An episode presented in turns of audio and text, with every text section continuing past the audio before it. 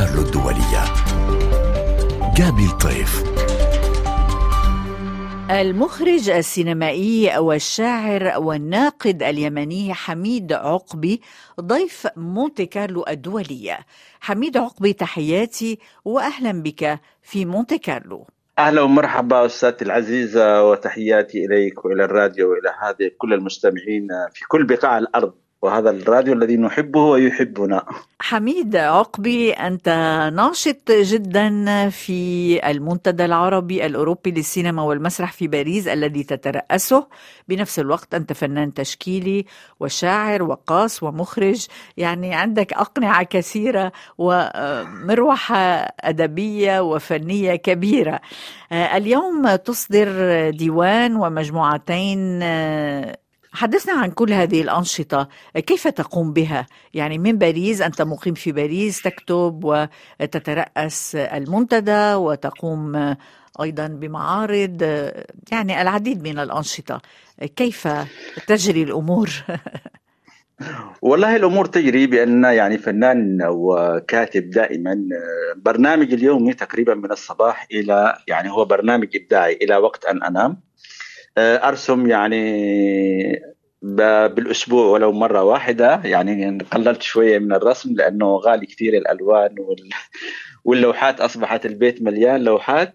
الكتابة طبعا والنقد وأنشر يعني دائما سواء نقد حول مسائل فنية أو أدبية أو حتى يعني عندي على قناة يوتيوب تحدثت عن أكثر من 150 فيلم في زاوية سميتها تأملات حول أفلام سينمائية إضافة إلى أن المنتدى العربي الأوروبي للسينما والمسرح يقوم بأنشطته. نحن قللنا يعني لم يكن كما قبل أيام الكورونا وبعد ذلك يعني أصبحت يعني ندوة أو ندوتين في الشهر.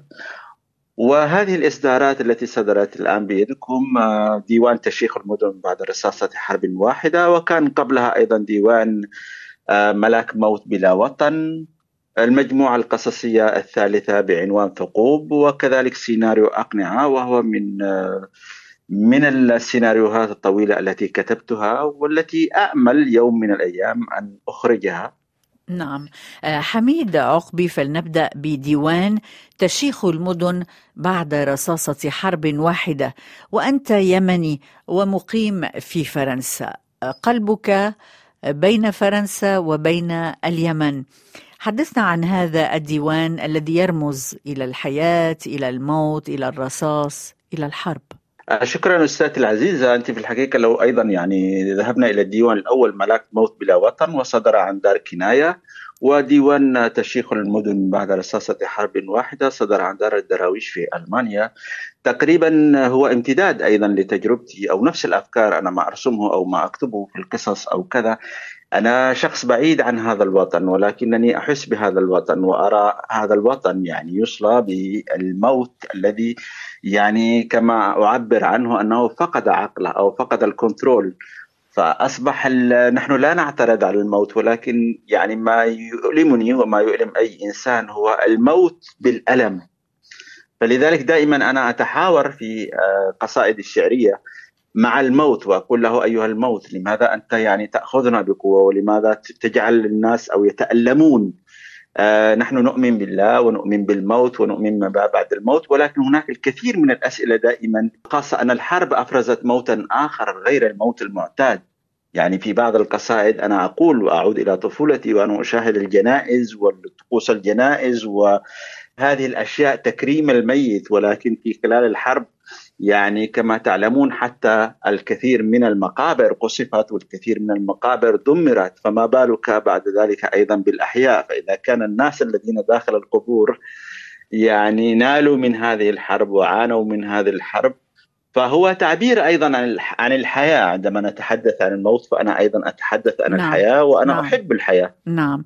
آه، حميد عقبي اليمن اليمن الحاضر دائما في كتاباتك في أعمالك في لوحاتك في كل مراحل آه، حياتك. كيف تنظر إليها اليوم؟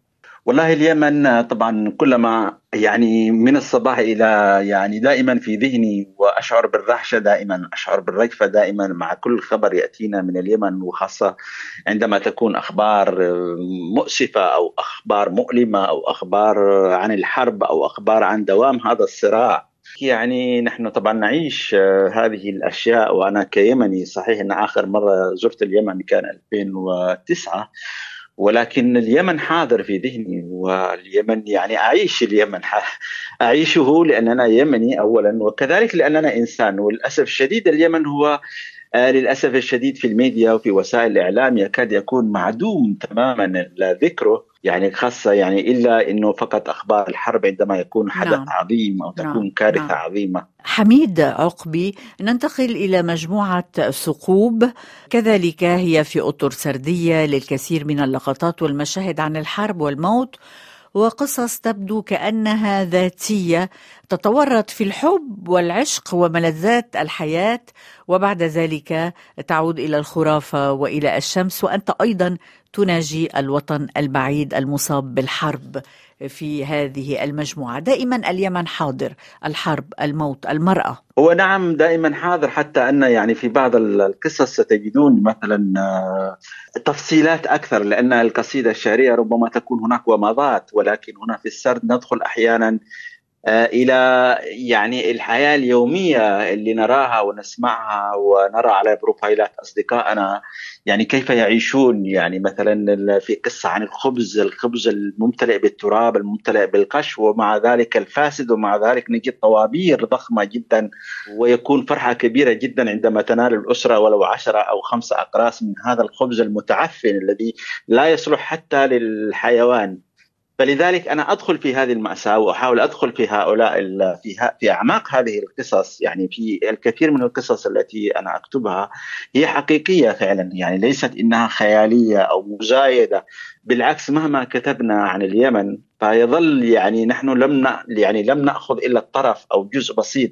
لأن اليمن يعيش كل فرد هو حالة ذاتية هو تراجيديا تمشي على الأرض هو قصة فللأسف الشديد نحن لا نذهب يعني فقط للخيال وبحيث أن إحنا نقول كل شيء بخير لا نقول كل شيء ليس بخير ونحن لسنا بخير. وعندما حتى نلجأ إلى العشق ونلجأ إلى المرأة فهنا أيضا المرأة هي يعني بوابة الأمل هي مفتاح الأمل هي شيء من يعني أقل شيء يعني نستطيع بالعشق أن نتنفس. فدائما أنا أتمنى حتى من الموت عندما أناجي الموت أو من الرصاص الطائش ألا تصيب قلب عاشق ألا تصيب قلب عاشقة ألا تصيب امرأة جميلة ألا تصيب أم. يعني أو جدة أو طفلة نعم. صغيرة. نعم. حميد عقبي ننتقل إلى سيناريو أقنعة في سيناريو أقنعة.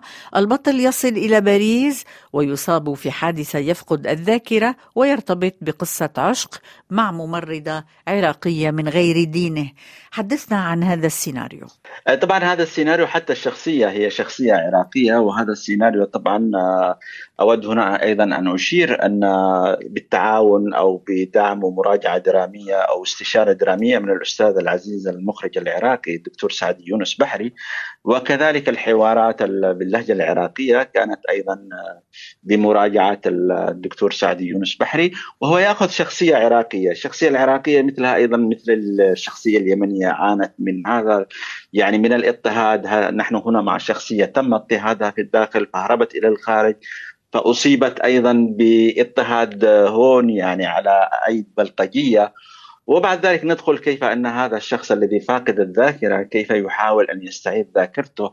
وكان الحب وكان دعم هذه الممرضة التي أحبت هذا الإنسان وهو طبعا يعني في الفيلم كامل يكون آه، يلبس القناع يعني الشاشة على وجه كامل لا يظهر. وتكون تنشأ هذه العلاقة الجميلة رغم أنه هو مسلم هي مسيحية. بمعنى أقول نحن كبشر نستطيع أن نحب بعضنا بعض نحن كبشر أو يمكن أيضا الحب ويمكن أيضا العشق أن يدعمنا أن يجعل الحياة أكثر انفتاحا أكثر سعادة أكثر فهما.